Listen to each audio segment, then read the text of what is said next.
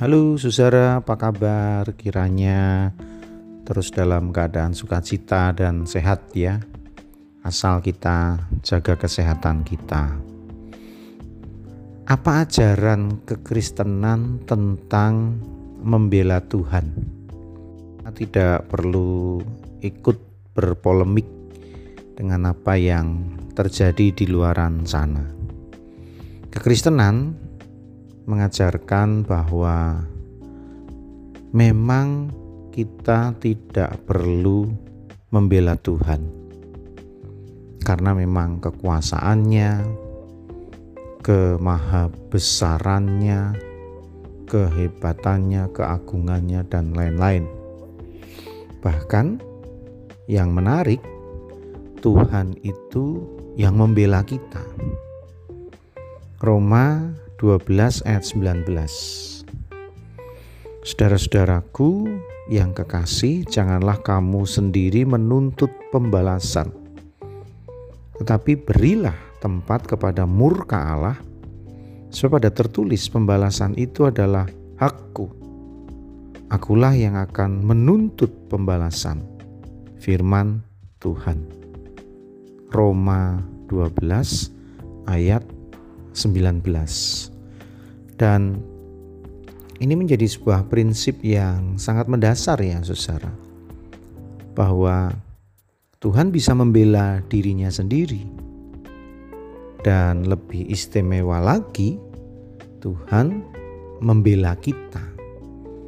Menolong kita. Bahkan untuk melakukan pembalasan. Ini kan menarik ya.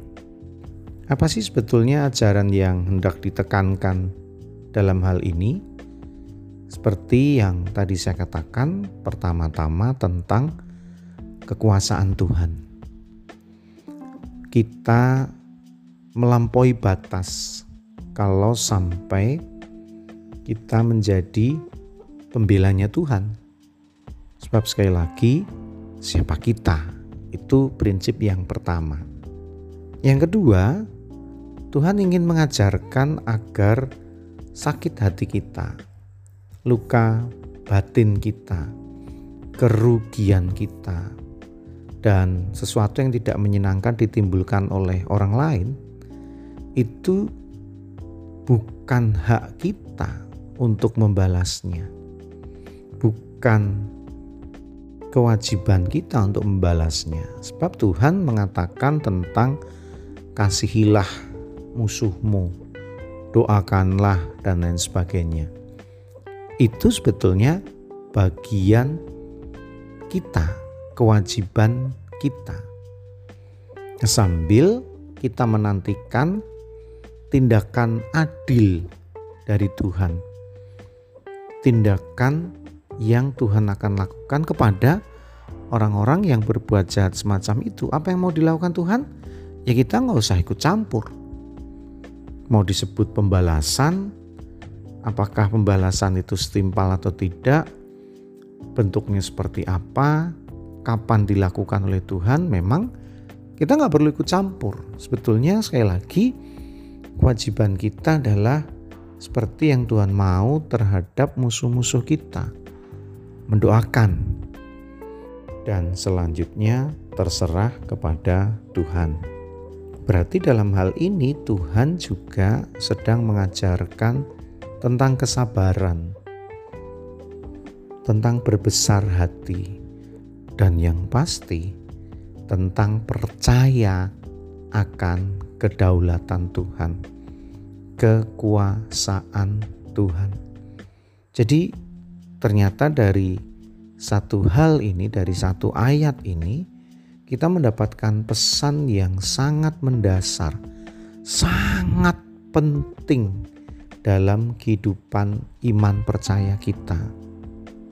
Untuk itulah Rasul Paulus menjadikan ini sebuah prinsip, sebuah jalan hidup, sebuah gaya hidup dia atau menjadi identitas dia. Saya yakin ini bukan perkara mudah saya yakin ini membutuhkan proses dan kedewasaan iman untuk sampai kepada satu titik kesimpulan bahwa kita yakin ketika kita tersakiti, ketika kita mengalami ketidaknyamanan, ketika kita dilukai oleh seseorang, yang kita lakukan hanya mendoakan dia. Yang kita lakukan bukan membalas, karena Tuhanlah yang paling tahu cara terbaik mendidik orang itu. Dan terlebih dari itu, Tuhan ingin mengajarkan tentang kesabaran, tentang kepercayaan akan kuasa Tuhan, dan pengakuan bahwa memang kekuasaan Tuhan melampaui diri kita. Untuk apa kita bela Tuhan? Karena Dia Sang Maha Kuasa. Mari kita merenungkannya bersama saya dalam renungan emas. Esok masih ada solusi.